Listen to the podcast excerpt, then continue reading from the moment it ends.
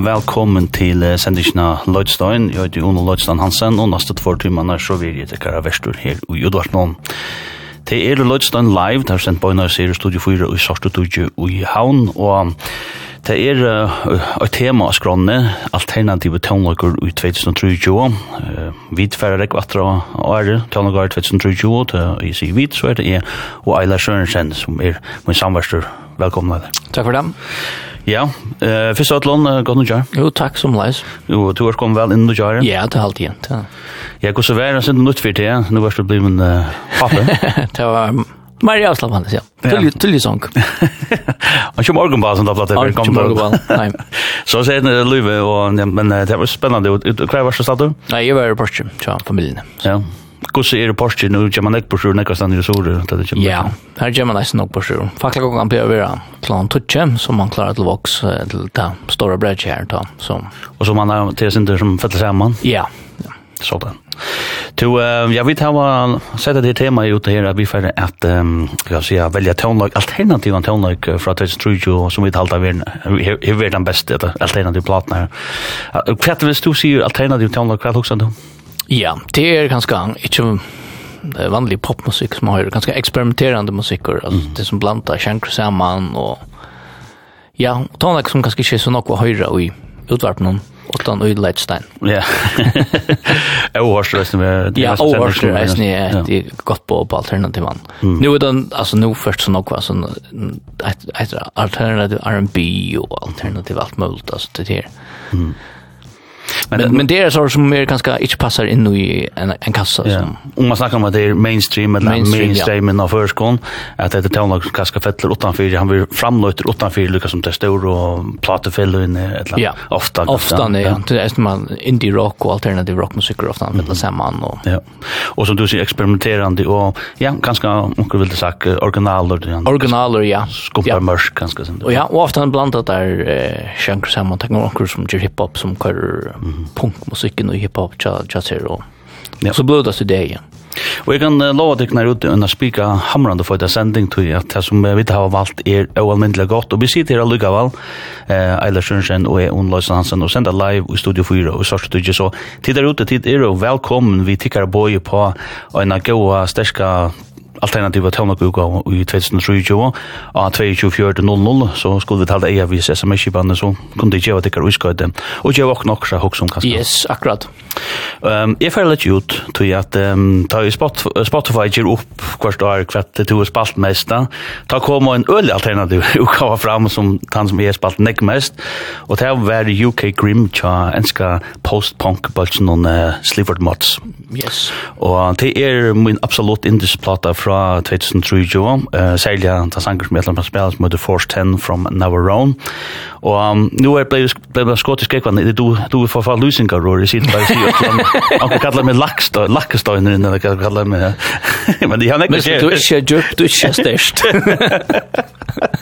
Men uh, men hette i talte utgaven kjøres ned enska post, punk, balsen, og mer damer utrolig vel, det er slik for måte, at Ehm ja för det första halt alltså det ska lösa bara så för det första så tar man med att det blir till att vara cool att man färfar bo i fjärde ganska ändå håll rush. Ja. Och det är det här och så då är det vi blandar spoken word vi post punkt till något post punkt till något och och så är det en list alltså det är väl stor poesi och ju som vi sagt hur var det är såna arbetar poesi. Och jag hade att det spår andra här var verkligen jag knarne i vad med tog han låta och det fatt för och nu är nu har det mån med ordlivor. Och jag hade att alla folk som dama Ja, så han sier alternativ en tonlag, men uh, sindri av spoken word, og sindri av enskon ordelig rødfast, og enskon arbeider, poesi og tonlag, så skal det lort etter sne. Så, eh, vi faller ikke fire, det er vi uh, First Ten from Navarone, just live for Mods, av platene UK Grimm.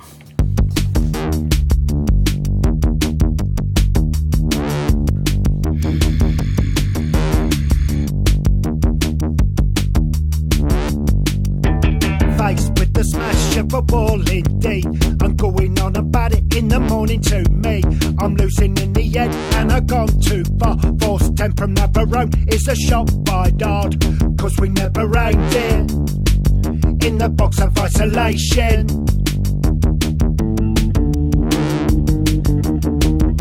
Jason, why does the darkness hello? Cross-sectioned, it's not a drink, and I don't fucking smoke.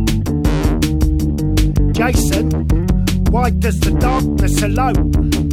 Cross-section, it's not a drink. And I don't fucking smoke. Mum can't reach, and then a pause. You look different, a large green blob. Allergic to your own things. Get married and go on safari.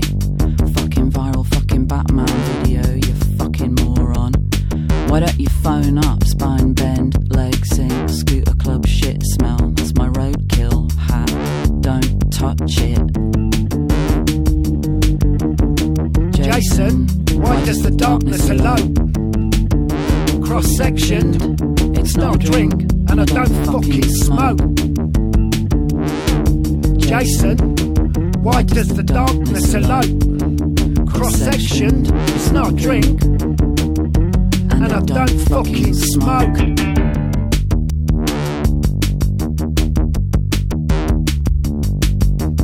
Instinct is all, it's a meat to our bones. So hang on to the cable car, force 10 from Navarone. Free sip your balls and keep your gun up on your neck. Force 10 from a contract, he still believes it's not dead. But it is.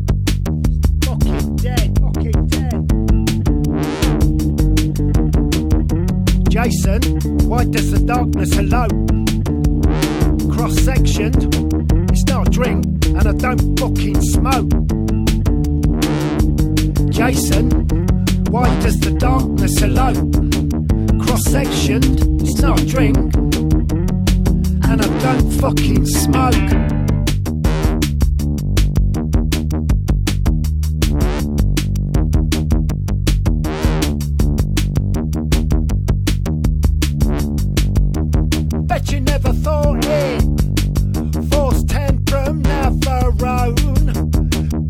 never used it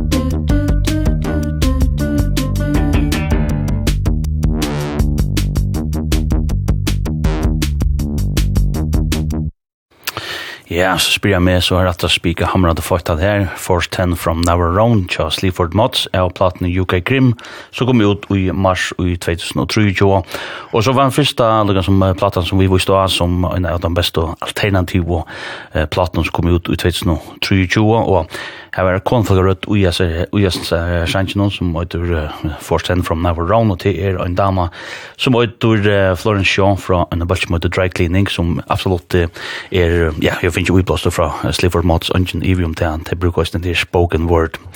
Men til der ute, til det velkommen til å være vi, og 24.00 kom vi inn og bøy på en gode alternativ av en og den tøvnlokauka som kom ut i 2023, så gjør vi til tikkere utskøyte til sendisene som Eva Eiler Sørensen sender her live ur Studio 4 og i Storstudio i Havn.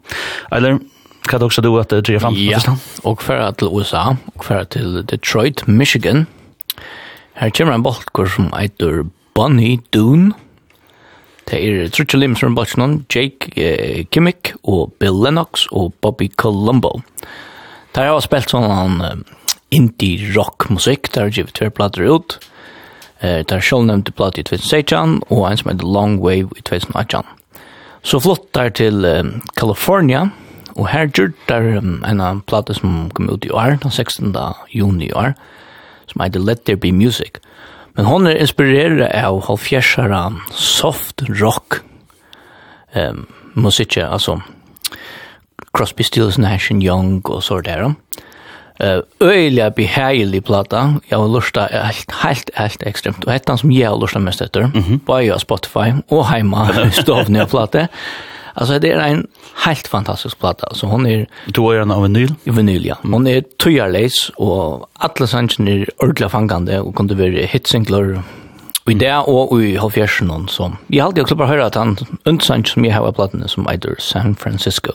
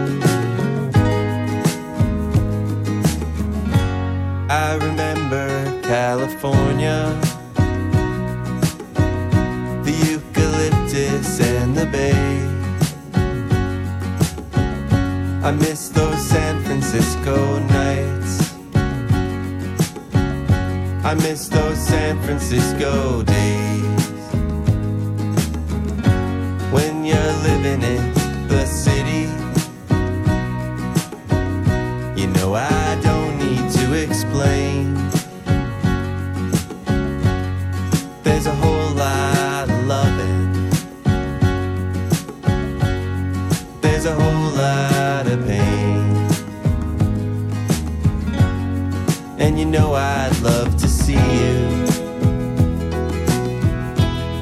Yeah, you know I love LA It's just something's come between us. And I'm going the other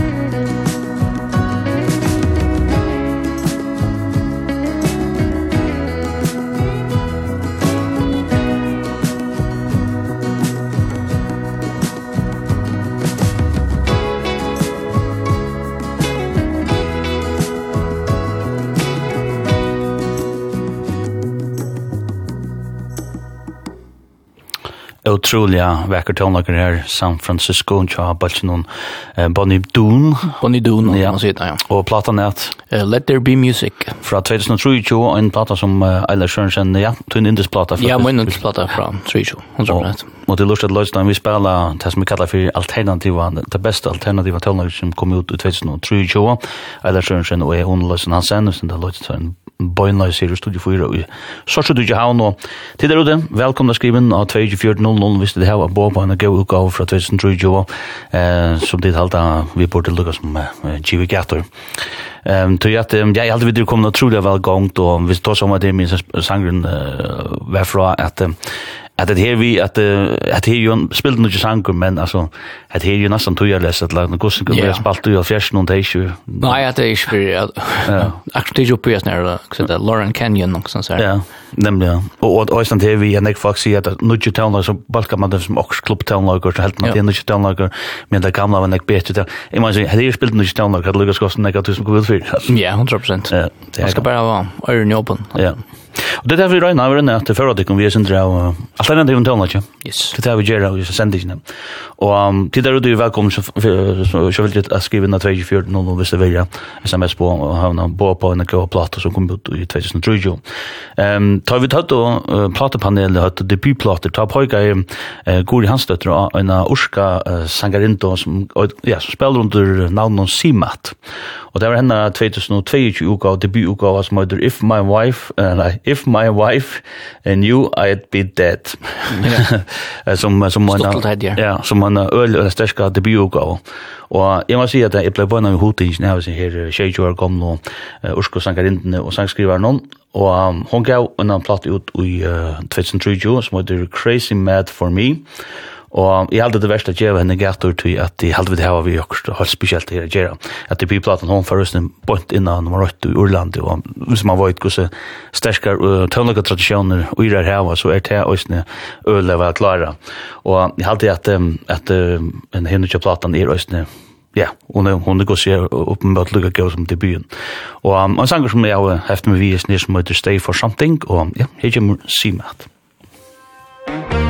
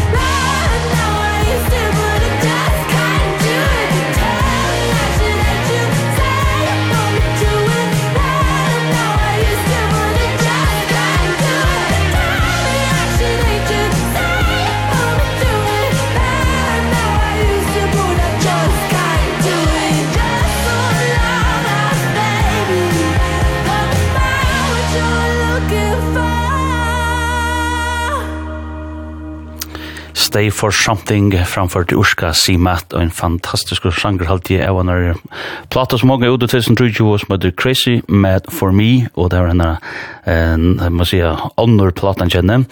Og hun er tjejer og gomlen her og helt her i knotter jeg ser her Urska Damne her og i det vi kjørste sørste fremme vant jeg. Og er det godt. Og jeg vil lukke som etterlyst at til der ute kunne komme til Karovisko til sendingene vi har sendt en båina 24.00 nå da vi sendt en båina sier lukka vel. Og um, så skriver uh, Trønde Vatnavær at han er, og fruan er ferdig en romantisk kontur. Kom vi Rasmus Segbak, sier han. Og jeg vil si at Trønde Vatnavær, kom du og gjør, kan du. Men här också som vi har tidigt avhett när man kommer en boi på en en en goa alternativa plato som kom ut i 2003 Um, men snir og viser en en plato som heter Girl with Fish og en bulk som heter Tin Man og säljer en sanger her som heter Feeble Little Horse. Vi då låtsas att at det er absolutt näka som fäller under. Alternativt ja. ja Så att det är ut så att avhett för vi gör att att näka som till borde checka ut. Och han skriver här gott nu kör till Bayer och tack för goan tone like. Tan bästa för mig var helt klart den svenske Augustin vi fløvende Youth and Why It Ends. Hadde du kunnet spalt med leie til henne som heter Friends, uh, Friends House Party. Og ja, jeg har tjekket vidt her, og du vet ikke at det er leie inne i skibane, men um, jeg kjennes ikke at det er Augustin. Men så ikke vidt her, og kanskje ikke kjent inne. Og ja, ja, ja jeg kjenner ikke kjent han. Så var ikke nek, man skal avdukke, men det er så svir på appen, det er som lagt, lagt uh, sangen inn. Ok. ja, så synes jeg. Så det. Men um, jeg tror, og jeg er bøye på. Ja, og færa til en bolk som eitur Host, som er stående av Nyland. Den takk også sin debutplate ut i år, men mennene atanfor Host er tvær menn som er kjente fra Death Doom sin i England, nemlig sangaren Nick Holmes og gitarristen Gregor Mac McIntosh ur Paradise Lost. Paradise Lost her gjorde det så stulskift i 15 her derfor spille elektron elektronskan uh, uh, rockmusikk, eller dark wave kallar jeg det. Och sen kom det att till sina det området og sätten. Og så skulle det ner Gregor Mac McIntosh for å gjøre en solplatta. Og han ville gjerne gjøre en sån elektronisk synthesizerplatta etter. Og han kontaktet så Nick Holmes og och det blev så til den där bollen som either host som either efter fra 1995. Og jeg halte jo slå for å høre höra hur tälja var her sankar som heter Tomorrow's Sky.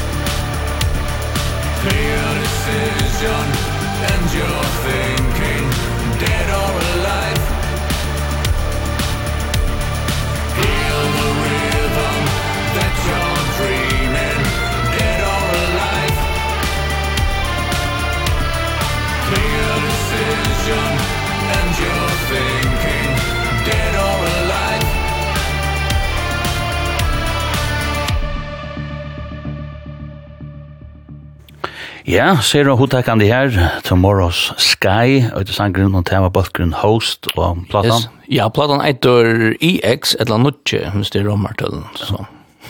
Og Ulla, vi tar som en sangerkord her, at han utmynt Ulla Depeche Mode. Ulla Depeche Mode, som er det men ja, hva skal det med rock, rock? Ja, men man hører det, han har vært øyelig eitkjent gitarljøsner, Greg McIntosh, og man hører det, han, han bruker det, han, han, han, han, han, Og vi sitter Eila Sørensen og jeg Jon Løysten Hansen og senda Løysten live her på Einars i Storte 4 og Sørste Dughavn og til der ute ja, kunne komme vi til Røyskøyde. Vi har vist en gode alternativa plato som kom ut, eller en gode plato som kom ut i 2020 som vi kan skalda fett rundt det her vi alternativa tøvnløysen som vi spela og Eh vi tar finns ju några gå på man skriver in att 2400 äntligen. Eh men vi tar oss det och skriver det vad jag det SMS kommer sen då ur blå blåa luft eller. Eh vi ska till Leiboinna om Kavarok ska vi komma inte om Kavarok är själva ekvistlet så betilla sig ja Kavarok stormor annars nek Kavarok så vi kommer allt det bästa så man scrollar neck ner för finna kvar det han snackar om Og så sier han, han skriver for i kvöld at det er en vinnerlig løypåning til tøynaleseren om at snestorm er kæv og stormer og det kævarråk og ikke kævastormer av førskum. Kæven rykur og fykur i storme. Ja, så er det derfor bør vi gjøre. Jeg vet ikke, det er alltid virkelig sjel som lest tøyne, så Nei. jeg kan se den altså. Nå, det var det Elin Winter Poulsen som lest tøyne i kvöld. Anyways, eh, vi færre nå til i halde man kan säga hvis man tar sig om alternativa tonlöjk och ja, närmast darlings innanför sig genrerna så är det nästa balken. Som är det mest hypa, ja. Ja, alla mest hypa, ja. Och en, mer, en platta som är överlig öttelnisten i vår bästa platna faktiskt i studio. Det är en balk som heter Boy Genius och det är det som kommer under höjde superbalkor, eller supergroup. Det är folk från Imuskon, ja, uh, balkon, eller folk som spelar solo som finner samman i en balk och så blir det en sån superbalkor. Och Um, det og teatrutjar Julian Baker og Phoebe Bridgers og Lucy Dacos som manna Boy Genius. Og der kom og um, utvinner EP i 2018, men uh, så får det sin tro i hi. Men er nå vakna i atter ur vi er ja, vi står her debutplate kan man si. Og han heter The Record, kors i morgen minne. Hun kom ut i 2023, og hette her i ferien ordentlig opp uh, jøkken noen hitlistander, hun uh, toppa i, i, i hittelsen i Ånglande, Urlande og Hollande, og kom halt på fjärra plus och tas mot ur US Billboard 200 och det det är rätt flott man ser så det är några donaliga damer och det är kursen läge just nu eller i Jag at att vi inte skulle kunna spela tonlag från alternativa tonlag från 2003. Nej, man släpper ju inte annars bollen. Alltså det är väl Atlastens så ter ter vil nok hype här och till vil nok hype runt om bollen du kan sen han byrja i så det är alltså folk har bojat i splatnäsen så. Men du er största sen runt om det sier du. Ja. Jag vet inte derfor jag inte på skuffar eller. Alltså jag dömde og så er det godt at jeg begynner å gå ut men ja, jeg jag vet ikke. Det, det var kanskje alt dette hype som kommer ofta så. Ja, så stender man så, så jag ständer man är til vanlig, yeah. vanlig førskåring, men man ja, Jag hade känt att det rätt. Men jag har stått kanske inte att det att det låg gott så jag jag kan ske det var Men jag har bara valt det. Ja, allt om vi. Men det är för spännande sank och jag vill se plattan The Record Show by Genius mot Not Strong Enough.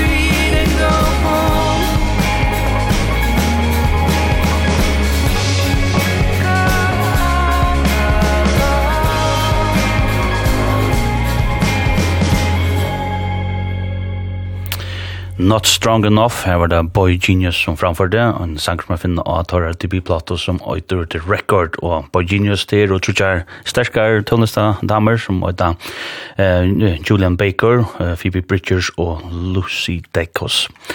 Og jeg hadde sjåret at det hadde gått, og at han øyne nek røstplata. Fantastisk sanger. Ja, han nek røstplata, hvis det er tror jeg ikke bare alternativ, men i urhøver da.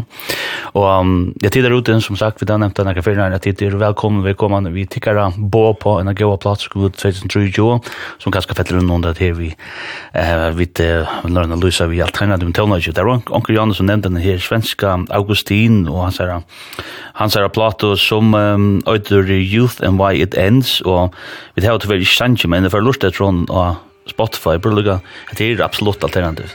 Det byrjar ut jo i klassisk hotellene, ikke? Skrik. Ja. Alltså det här hade det absolut att det att det gör det slutligt vi får absolut att checka det ut uh, gå sangarust, you know, det var som Augustin. Ja.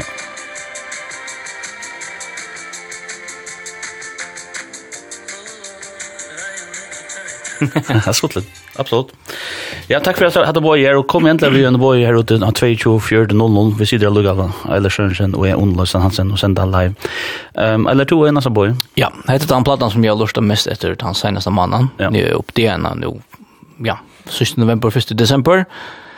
Tyvärr än så jag hänger sig på den här sen så kommer minns platta. Det är för ivrig heavy metal eller ganska power metal men eh, jag vet inte själv nog om balkan ni man läser det upp som ständer mm -hmm.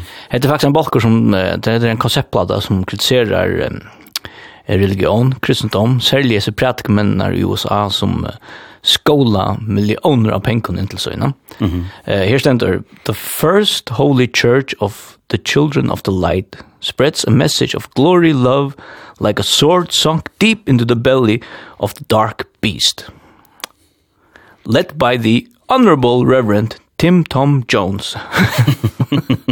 så här är det jag och vi är det så koncept som drar kör där det skulle viska som praktiska eller så säger men uppkör vi vi en kultur. Ja. Platan either Glory och sankar som skulle höra either Mind Body and Soul.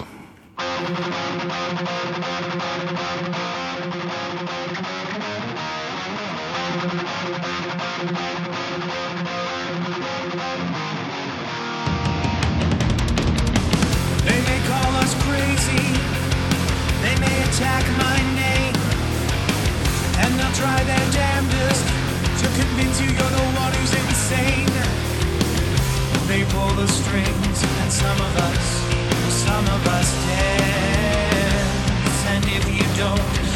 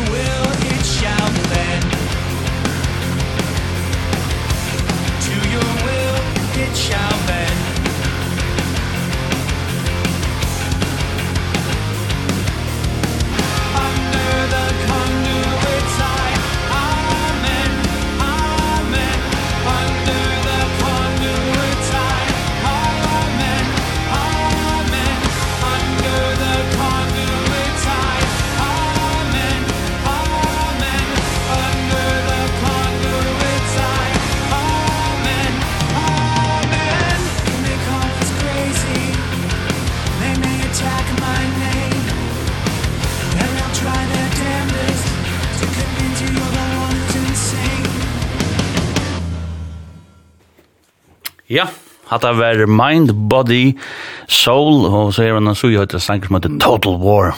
Og det var Vulcan by Fire and Sword. Ja, sword. sword, ja. Ja, det var bare litt så der, ja. Fire and Sword. Og det er, hvordan var det platan? Platan er Glory, hun kom ut i september i år. Ja, det var først. Ja, det var først. Det mynte mye sørst om svensk Ghost. Ja, han er jo sånn Ghost. Ja. Miljøst, så. Metal, ja. Kallar man det power metal? Ja, jeg vet ikke om at det er en måte power metal men att öle miljösor og så Ja, det er så trash uh, trash trummor og mm. öle som ja. Vel dot. Da er det sånn tror jeg, vi ikke, alt er, ikke ofte så vi tar. Nå sitter du i Copenhagen, Church så. Ja, det er Ikke ofte så vi tar, det er jo til Luka Ragnarok som helder, helt flatsen nok der. Akkurat. Du, um, en dama hvis hon ger ger nekka ut så så så så likt det overlig av atlon um, uh, listan i beste utgavene og det er alt uh, så er jo just det som fett rundt alternativet en sånn art uh, toneløg og det er en dama som heter Mitski som er en spiller under uh, navnet Mitski. Og hon er amerikansk og sangar sangskrivare og hon er um, Hon er utrolig dona det, kommer ikke utan hun, tror det var gammel, og hun gav en platt ut i 2023 som heter The Land is Inhospitable and So Are We.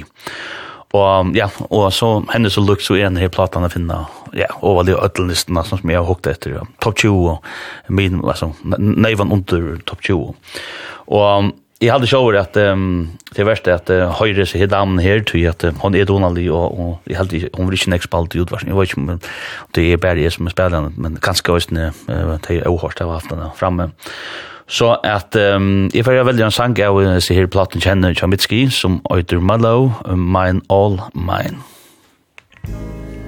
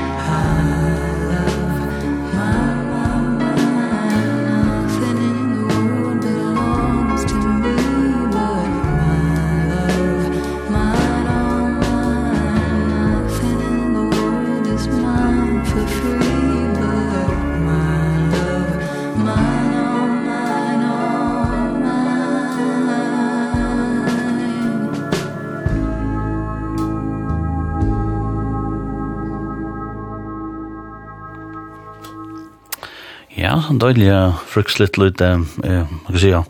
Hva kan man kalla man sånne? Outbreak. Ja, altså brått vi at heavy der. Ein fria lit døylig sanger som heter My Love, Mine, All Mine, tja amerikansk Mitski, en sanger som jeg finner henne nek, nek røst og uka for 2023, som heter The Land is Inhospitable and So Are We.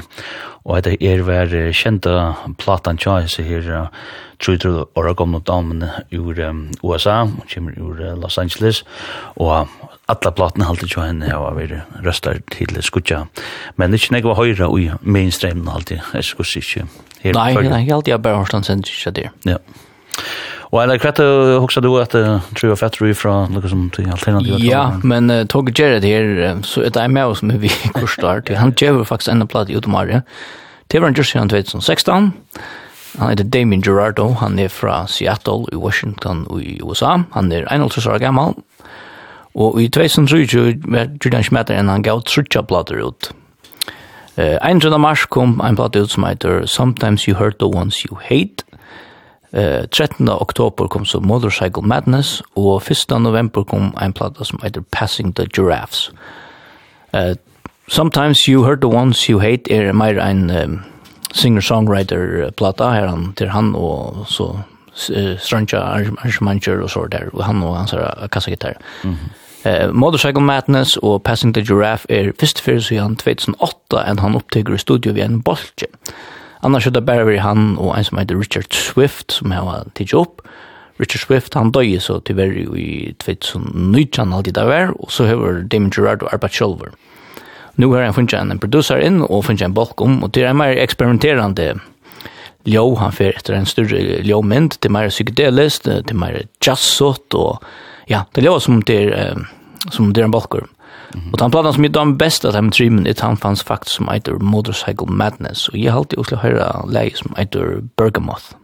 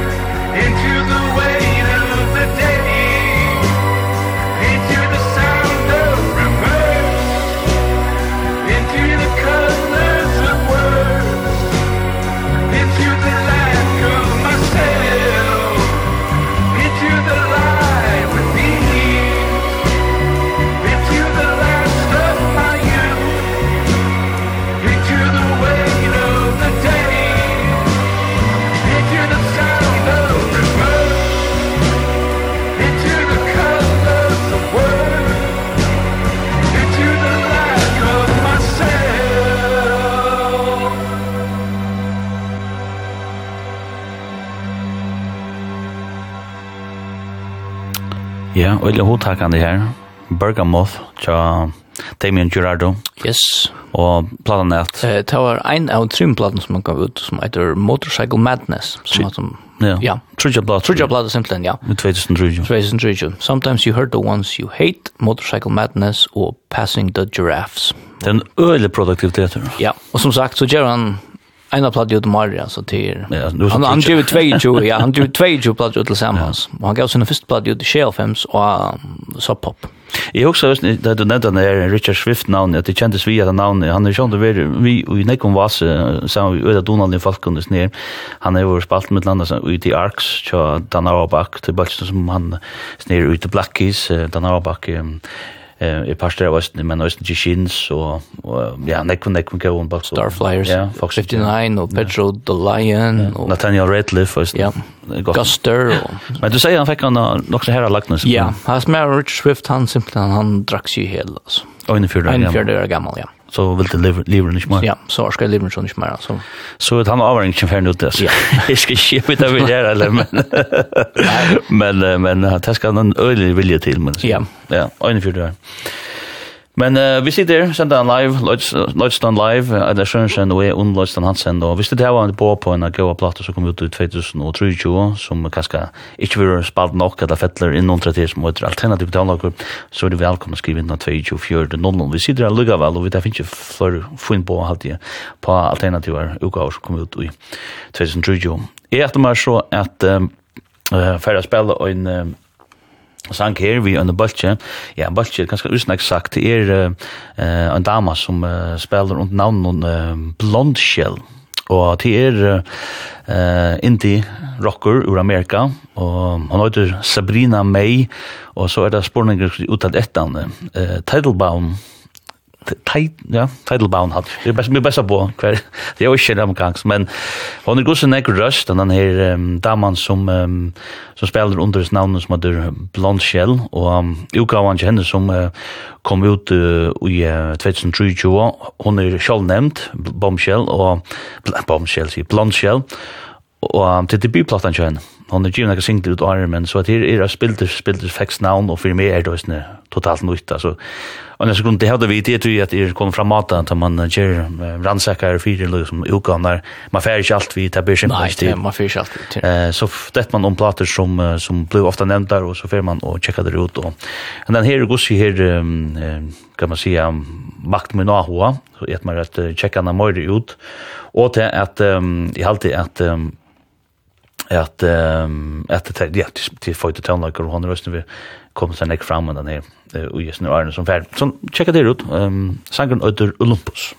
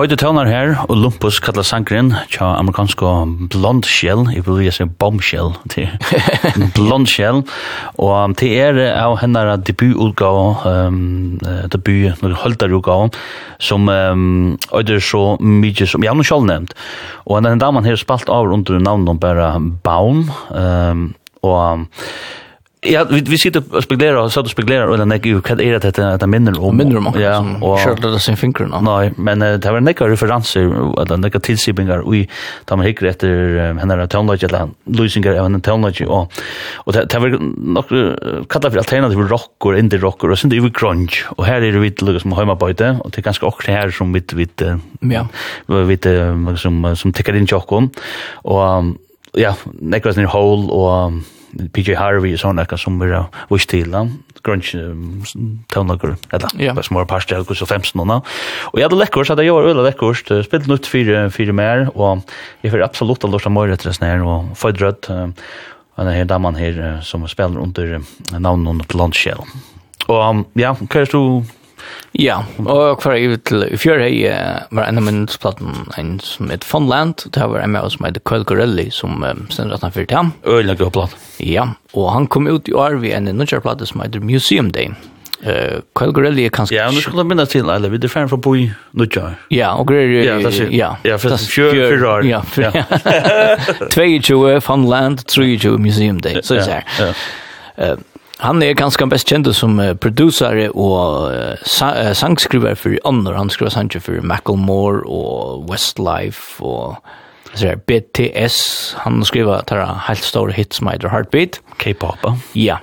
Och så här och men han tar han ger sin egen musik så er det i Ankti Lutsen og Ørpsson, og, men det er sånn alternativer indie singer-songwriter-musikker. Og jeg har alltid også hørt heitsleie av platen Museum Day.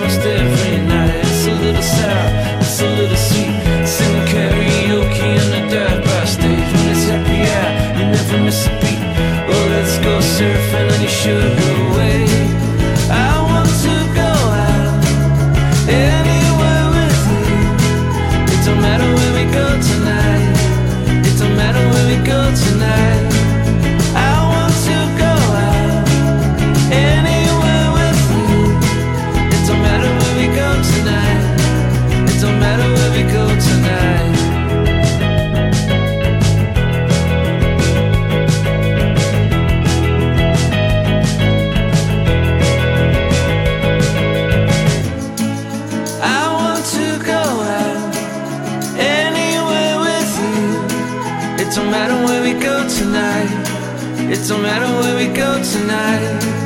I want to go dancing anywhere with you. It don't matter where we go tonight. It don't matter where we go tonight.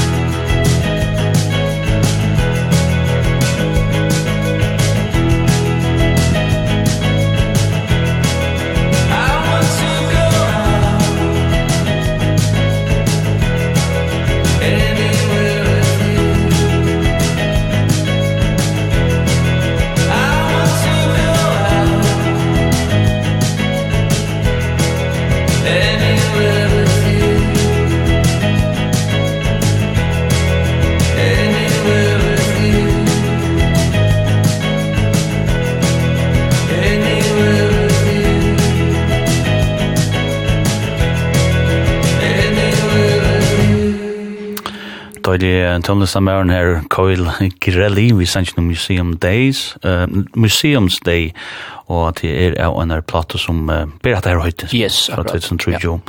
En uh, døylig tonnestamæren. Ja, at det myndes rundt Smiths, eller akkurat. Absolutt. Ja. Og um, kanskje, jeg er ikke kjent i åren du presterer med fyrt. Ja, at sort som man. Ja ofta det tror man. Ja, det var den här plattan från 2022. Ja, Fonland. Funland som, som var väldigt god. Ja, det var faktiskt en vimmar som var ett fråge som, som är West Miranda, ja. Calgary.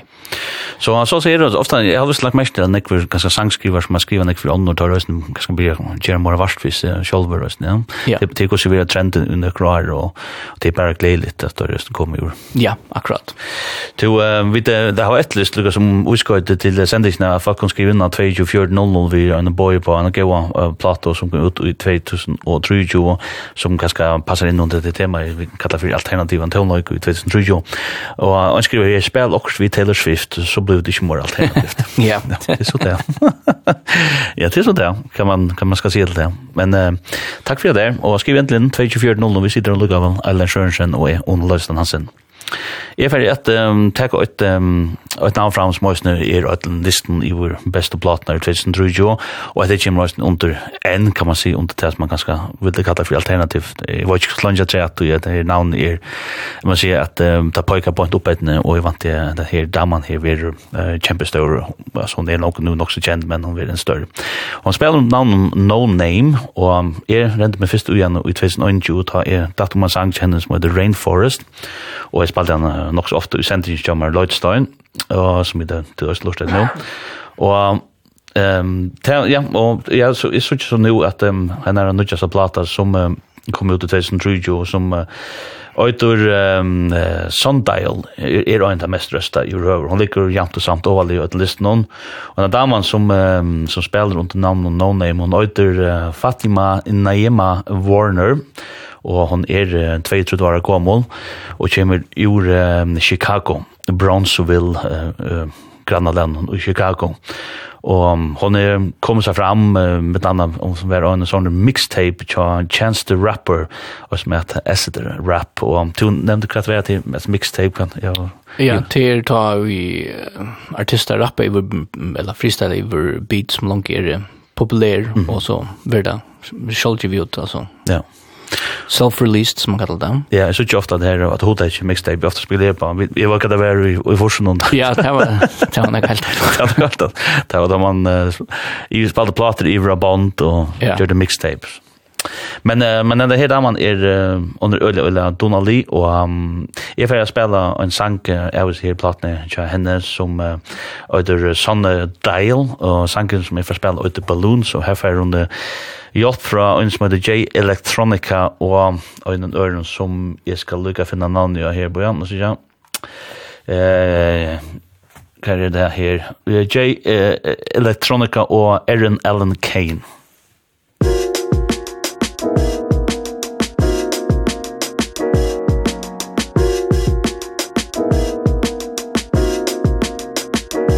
yo When I was monumental, I was tatted up and bad as fuck and dreaming of scenarios, but serotonin laughed at us. Psilocybin with the hybrid, baby couldn't pass it up.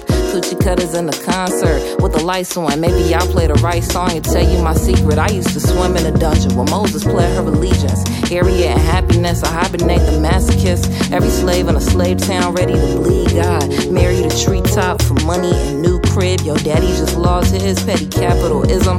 Niggas broke for a living but pray for riches and death. Niggas under distress, niggas supposed to finesse. Uh, I'm on the moon, I cry balloons. They black and blue. Tonight And if the homie in the back then tell him to hit me. Homie in the back then tell him to hit me back tonight. I'm on the moon, I cry balloons. They black and blue. Tonight And if the homie in the back then tell him to hit me. Homie in the back then monasteries and Narcan casual white fans who invented the voyeur. Fascinated one morning, they hope the trauma destroyer. Why everybody love a good sad song, a dark album like Tell me that your homie dead your mama dead your brother bled along the street, the corner where the Walgreens and White Castle is. Ooh, yeah, we know that you miss him. And if you sing about his sister, then we buying a ticket for real. Front row center, still gratitude, she love him. But she can't tell if it's genuine or just consumption. Analyze the gumption, monopolize the landscape. She's just another artist selling trauma to her fan base. I'm on the moon. I cry balloons. They black and blue. Tonight and if the homie in the back then tell him to hit me. Homie in the back then tell him to hit me back tonight. Baby hit me back. Where you at? We on a spaceship. We waiting under the dark moon. Where you at and where you go? Supernova stars gonna take us home. Baby hit me back. Uh -huh. where you at? We on a spaceship. Uh -huh. we waiting under the dark moon. Where you at and where you go? Supernova stars gon' take Like. Lazarus, I was dead for three whole nights. Alakazam, I shook back like casino dice. Satan called me magical negro. Cool, you got that. I popped on the world stage with my AK cock back Saw the royal family in half to get my clout back in a harder night's bridge pulling bunnies out top hats. Everywhere I step foot I leave a trail of names of the sons of Yakub and the trail of flames. I'm on fire. I'm plugged in directly to Messiah. I run with the mighty kindness. We expose the liars. These infidels kill my mom. Is all out war now. I swear on the MACD to never put my sword down. The crescent and the star with the red in the foreground is the flag that I bang as I'm laying the law down. Establish the beachhead behind enemy lines now. I'm Pink Floyd in Berlin. I'm tearing the wall down. Face to face I bet nary a devil to test me. Or some fuckboy 85 will come run up and press me. It's all a hoax quite simple. A joke like Zelensky. The imams the rabbis and the pope. Incidentally couldn't stop my boat. Guy from quoting quotes from the senses. If anybody asks tell them Farrakhan sent me. It's the war of Armageddon and I'm begging the listener. If you ain't fighting that mean you either dead or a prisoner. I'm on the moon. I cry balloons. They black and blue tonight. And if the homie in the back then tell him to hit me. Homie in the back then tell him to hit me back tonight. I'm on the moon. I cry balloons. They black and blue tonight. And if the homie in the back then tell him to hit me. Homie in the back then tell him to hit me. Oi, oi, lekkre tøvnar her, hiphop, eh, hva kan man det, jazz, Neo Soul kallar hon det. Det var No Name vi uh, henne er Sanje Balloons og platne Sundial og um, det er en platta som kom ut i um, 2003 det var um, andre uka av han kjøys her, damen her ur Chicago, og um, Asan Sanchez som fikk hun, uh, man lukka, trykker med å si alt er rett, og fikk hjelp fra Aaron Ellen uh, Kane og en som heter J Electronica. Um, Gadda, hva det svart med det, eller to? At det kan sikkert godt. Ja, at det er. Hade det som den unga lust efter. Ja. Nej, det är det man säger hiphop och rap och R&B och andra där man är sån under resten just galdan den efter som det poetry slam till till slam istället för rappa så kanske man det smör istingar. Istingar, ja. Og som sagt, vi sitter her og sender Bøynøys Lødstein, Lødstein Live, eller Sjønsen, og er under Lødstein, og vi tar skipene 24.00 og Nu skriver en som fyrir høyt som bæk og spyrja bæk og spela også vi Taylor Swift som det og alternativ vi kommer man skriva så at det er kjent til suyes mitt skriver troplak og mot om. My Love, Mine All, Mine. Høyskar seg vel til å rekne vårt januar kvöld Og takk for det jeg skriver vi kommande. an takk. Ja, selv takk. For utskøyde. Og han skriver også ned, her er godt tipp. Leisure vi utgavne, leisure vision, kan vi manna deg still rolling, skriver øynen her. Og ja, han skriver som vinner hølsen herkar. Så det var vi absolutt å tjekke ut. Ja. Men um, ja, Ellen, hva tok du at... Uh... Ja, og for en tur til uh, New York, det er en bolker som heter Purr til Jack Stefan og Eliza Callahan, som er, det er faktisk en duo. Mm -hmm. uh, de har spilt under navnet Jack and, El Jack and Eliza, mm -hmm. og gå noen plater uh, ut under tøyne navnet. Men så i uh, 2020 så valgte de å brøyde navnet til um, Per, og under navnet Per hadde de først jo en plater ut i 2020 som heter Like New, og i år kom, nei, tammar tror jag fjör. Kom så en platta som heter Who's Afraid of Blue og det er en platta som jag har lust extremt noe etter selv. Altså, du sett meg underfor, var det en av disse platene til at det var gus i overlige munnen Spotify. Ja. Jag har alltid inte ja. Ja. Och stävs plattan ja. Typ med med top touch. Ja. Og det er så blant, det er blant alt mulig sammen, pop og shoegaze og folkatonleik, og så ver det, det egna ver, og det, det är bara helt fantastiskt och det gott och jag har alltid skulle höra läge som heter Drift. Drift.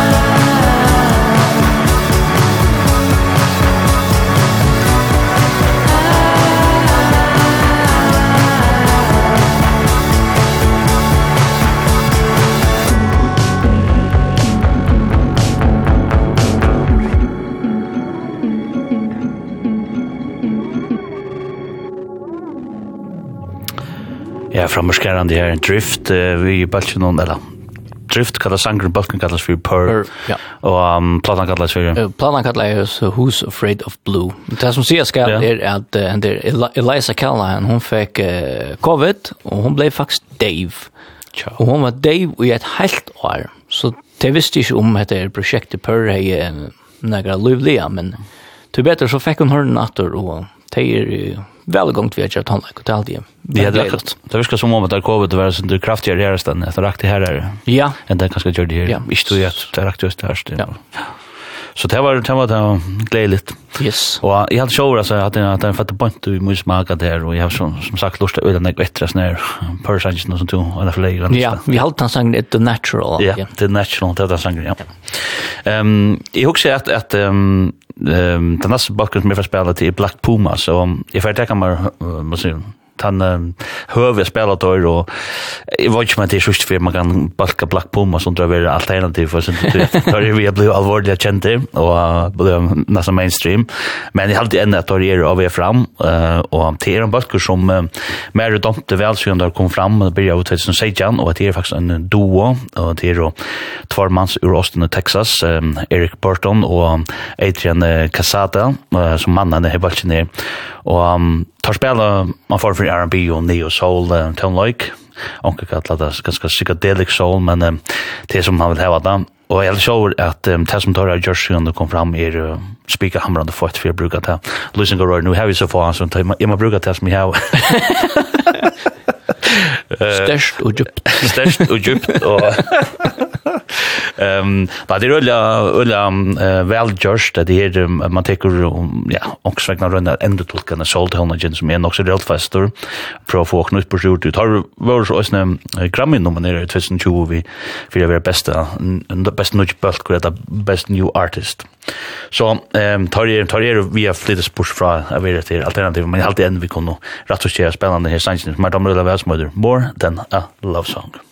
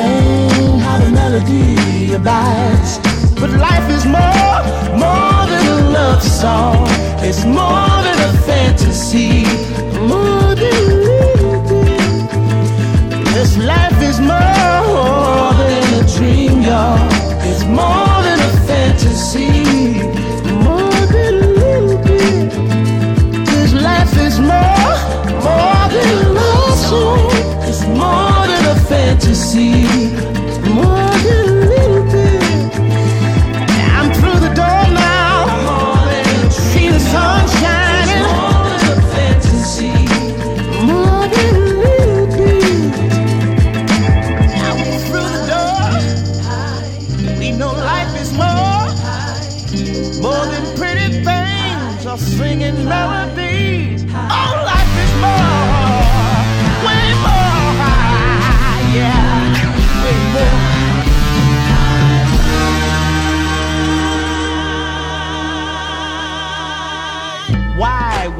the sounds and you see the lightning almost touch the ground. You hear a voice sometimes by a child sing.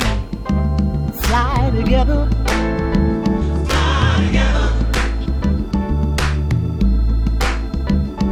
Well I feel so hard sometimes and you start to lose your mind.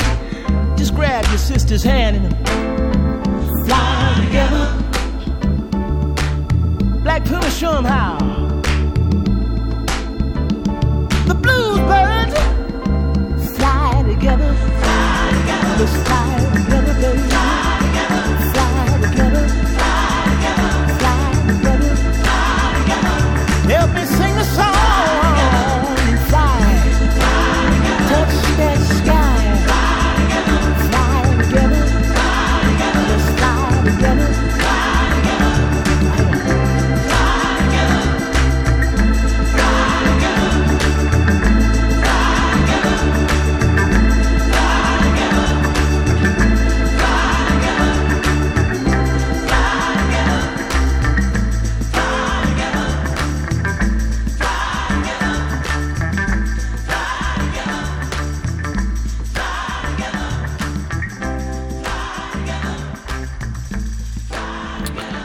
Ja, lekkere uh, soulful tonar her fra Black Pumas, uh, More Than a Love Song, kalla Sangren, som har finnet av uh, Aero studioplatene, eller Aero Haldaruka, hun kjøres ned amerikanska balsen som er en duo, og hun øyder Chronicles of a Diamond.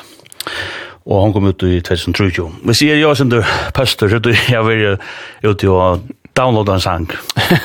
en rendetur. En rendetur, ja. Men du var klar eller takk i hvis det var. Det var jo. Men du var jo røst neste bøye på. Ja, og færre til Philadelphia, i Pennsylvania, til en singer-songwriter som heter Greg Mendes. Det er ikke noe å finne om en der mannen er Greg Mendes, men han er jo givet trutja plater ut. Og hans har selv nevnt å komme ut i år, og Pitchfork heier henne vi og 10 new albums you should listen to now. Sånn right. lista. Ja. Det var her jeg fann uh, fram av dem. Og hette er sort uh, lo-fi singer-songwriter uh, i andan tja Elliot Smith. Så ja, vi alltid skulle bare køre Greg Mendes fra og Sanjong Copcaller.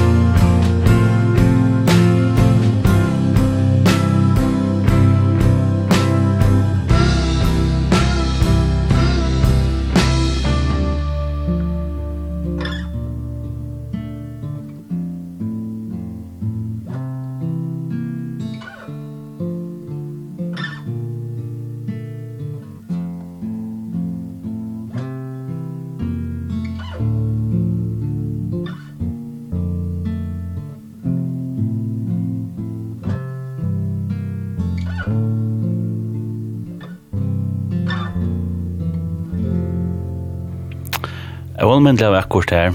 Jeg var da Cop Caller til Greg Mendes. Platan kus var hon. Hon heter Greg Mendes. Hun heter hun, skall nämn. Ja. Og, um och en spännande spennende navn som kanskje noen kjenner. Ja, hat det fann ju uh, Pitchfork uh, top 10 artists you should listen to right now. Så. Ja. Så det er boiler ifrån vi er. Yes. Og um, det er sånn at... um, Ja, og et navn som tar i spillet Tøvnlag i Løydstein, og Løyde Tøvnlag i Lust etter. I minst kunne utvarsra som fyrir høyre Tøvnlag, så er det et navn som hver for det kommer sang vi Jenny Lewis, så set jeg alltid av og Lust Og til, ja, jeg vet ikke hvordan jeg skal løse det, til er og nøyla donalig sangskrivare, Hon er i Schaefer og Gommel og kommer ur Las Vegas, og ja, opprona det ganske ur California, ur San Fernando Valley, ur California, men, men eh till liksom upprundet John men hon hon är nog born i hem i i Las Vegas. Och jag vet inte som det är så det ja, jag vet inte blandning ja som vi tar om i alternativ till något till blandning av shankron och sen det rock och sen det country och sen det folk och sen pop. Yes, det kommer allt samman och hon gav en plats ut i eh uh, 2023, som, uh, som heter Joy All, som jag alltid har svarlig gøy. och den här damen hever en opprån och uasen her kestmøter Kylo um, Riley. Rilo Kylie. Rilo Kylie, sånn, men då Rilo Kylie, ja. och det är han också sort känt Uh, ja, teller steg noe etter. Indie orkester. Ja, først noen, det var det. Mhm har faktisk et fint orkester. Ja. Her har hun som opp, opprunnet, men spiller solen nå, og, og den her Joy All er fjorda soloplattan tja, eh, det ser eh, Jenny Lewis, og her er fløyre, og Sarike og Sanjiro, som jeg alltid fått på lort etter, eh, Psychos er en som jeg har spalt eh, Nek, for vi sendte ikke den kommer, men eh, det er vi også gjørs den her neste her, um, ikke Nek, jeg har spalt den her kaféen, jeg har alltid snir er øyla fruskur, han heter Cherry Baby, og jeg har alltid sånn latter fruskligur, Trondheim. Kom her, og det er Jen Lewis framfor. Life's a mystery.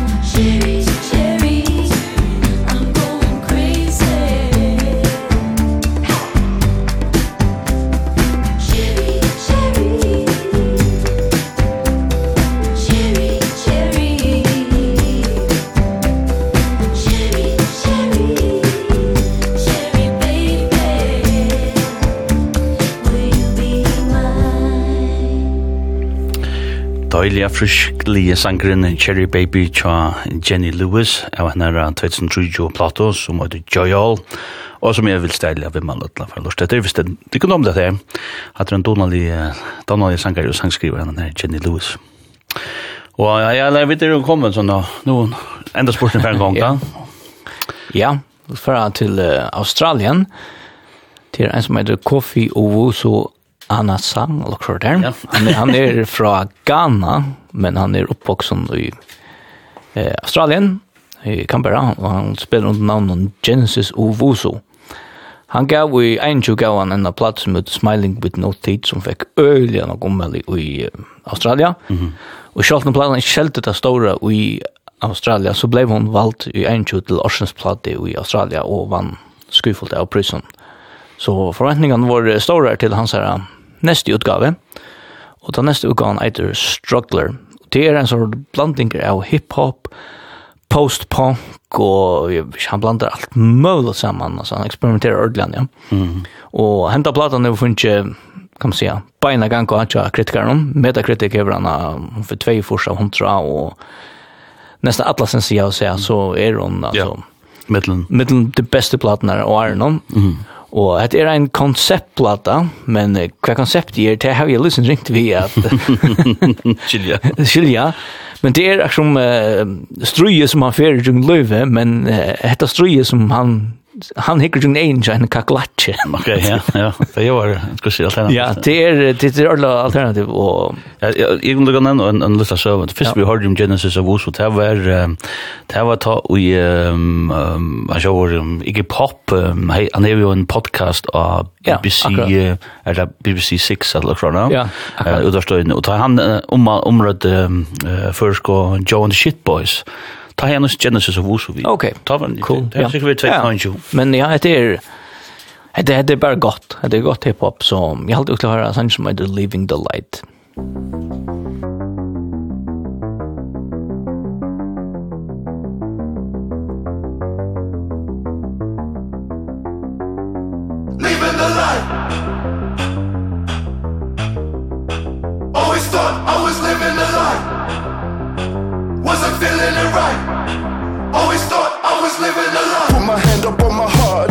my chest. The chaos moving down and down Deep in my flesh. The obstacles won't block my path. I see the test. They can try and swap me down. Boy, I'm the pest. Only know what you see from the outside. You can run, God laughs with his mouth wide. I will die on my knees, throw my hands tied. In the end, it's a roach versus a landslide. Better run, there's a God, and he's coming for me. Better run, there's a God, and he's coming for me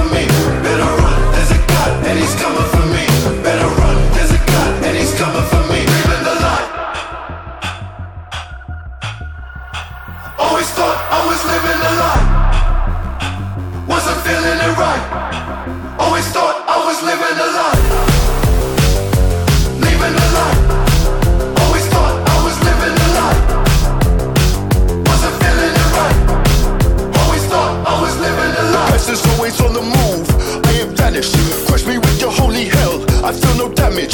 I can never stop my path despite the panic. The planet might be burning down. Fuck it, I'll manage green hills. I can see them smoking. Big smile as the flames approaching. I'm a beast, I can feel them poaching. Slam me down, but a roach keeps roaching. Better run, there's a god, and he's coming for me. Better run, there's a god, and he's coming for me. Better run, there's a god, and he's coming for me.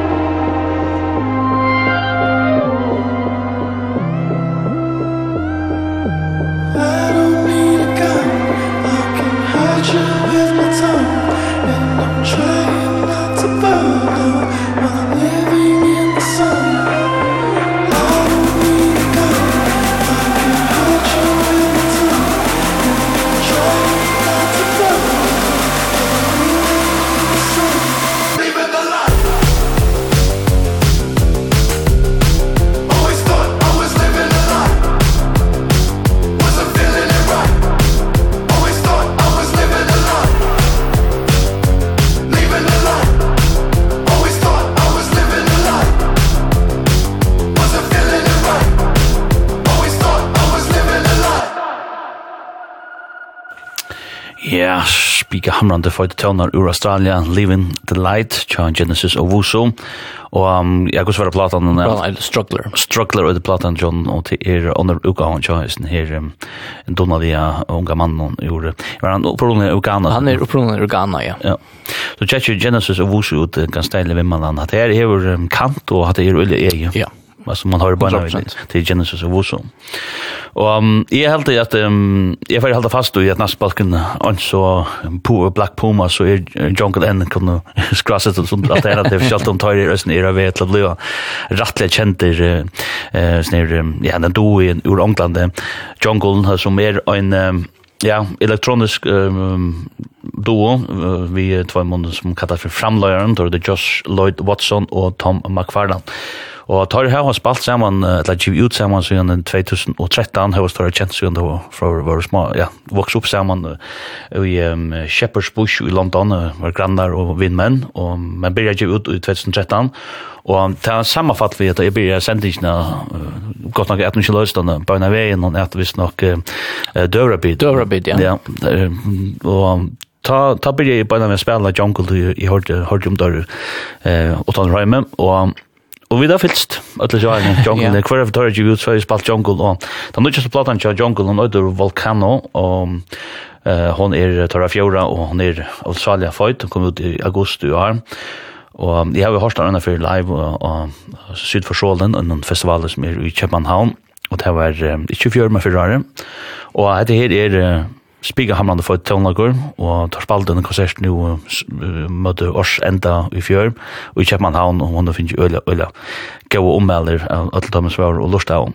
Og um, jeg heldig sjåver at Østnes er sangen in back, og hun er 74 som at man spiller av uh, Volcano, og hun, uh, at han sangen i Østnes, han trendar Østnes av uh, TikTok og sånn en sosiale middelen her, og i folk, uh, det videon show er og hyggelig, og hyggelig flott, og egentlig så er det, i videoen jo en lenge dansefilmer som er så kappa kvette sonder i små, små bitar, men Rockne han kan sutja seg under hold, vi fløyra sang noen som, som henger sammen i en fantastisk dansesekvense, og den dansen er så mye gøyur og velgjørtur at uh, til blir kopiera i tusen av vis, og sånn kjøtt sosiale milen har folk rundt ender skapa en fantastiske dansen, og um, jeg kan være med alle folk jeg ut og tjekka det ut av YouTube og er Men det er for spennende, back on 74.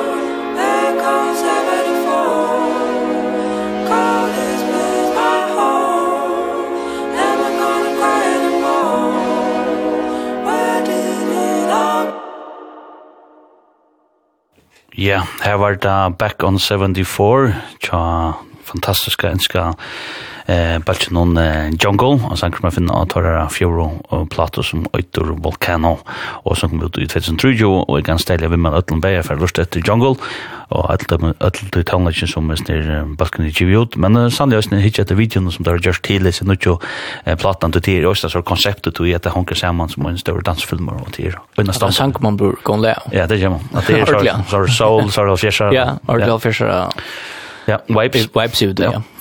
Kan se du, eller vet du, ja. norska sendan, men yes. det några syndas, ja. Ja, och för till en som heter Frankie Rose. Jag rente min festival för Frankie Rose, de spelade vi en boll som heter Dum Dum Girls, som spelar Dream of Pop, et lag garage rock, et lag, jeg vet ikke om man kallar det, men hun spilte vi flere sånne balkon som uh, Crystal Stilts og Beverly til alt uh, garage rocker. Mm -hmm.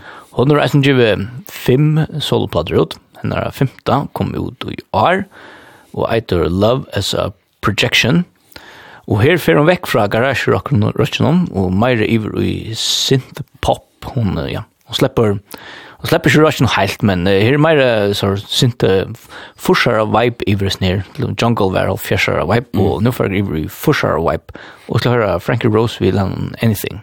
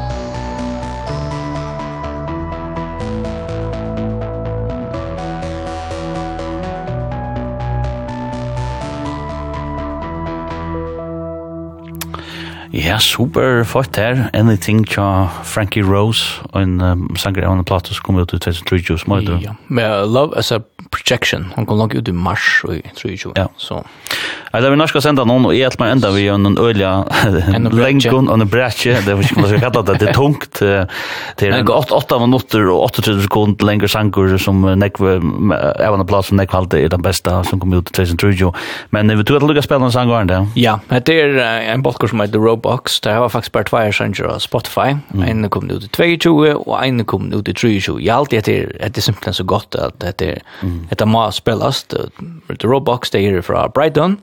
Det er Lola Gordon, Ezra Jelling, Tom Cotter og Henry Brown som spiller i Isten Bolsjnum. Og de inspirerer av amerikana eh, countrymusikk og trussara poppen. Så heter The Robux, Tomorrow is a Lie.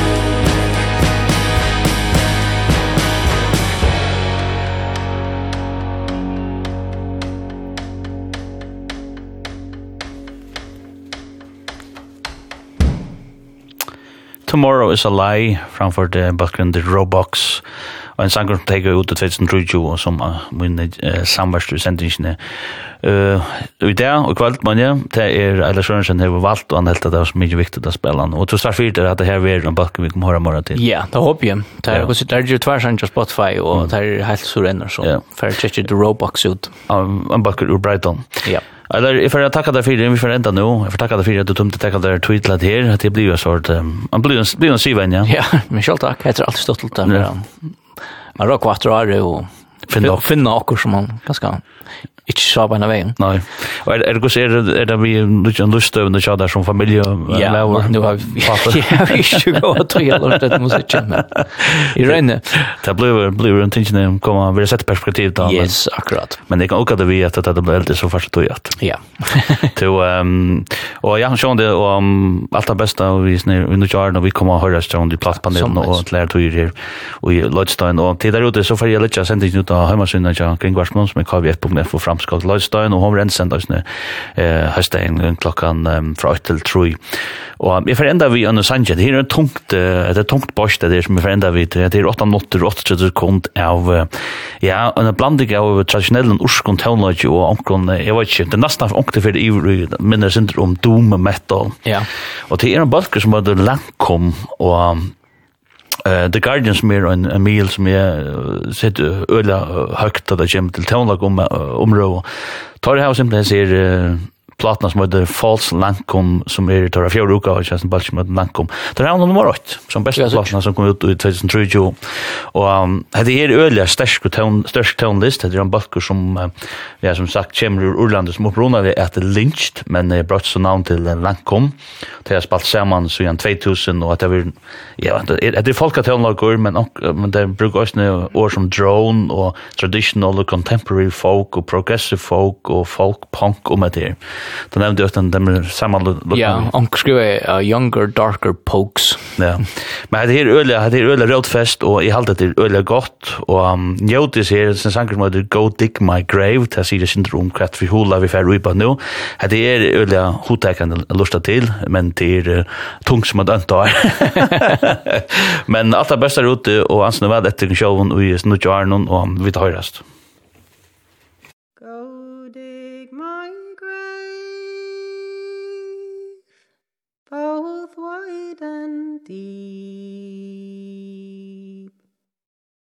Place a marble stone At my head and feet. And on my breast A snow white dove To tell this world That I died for love.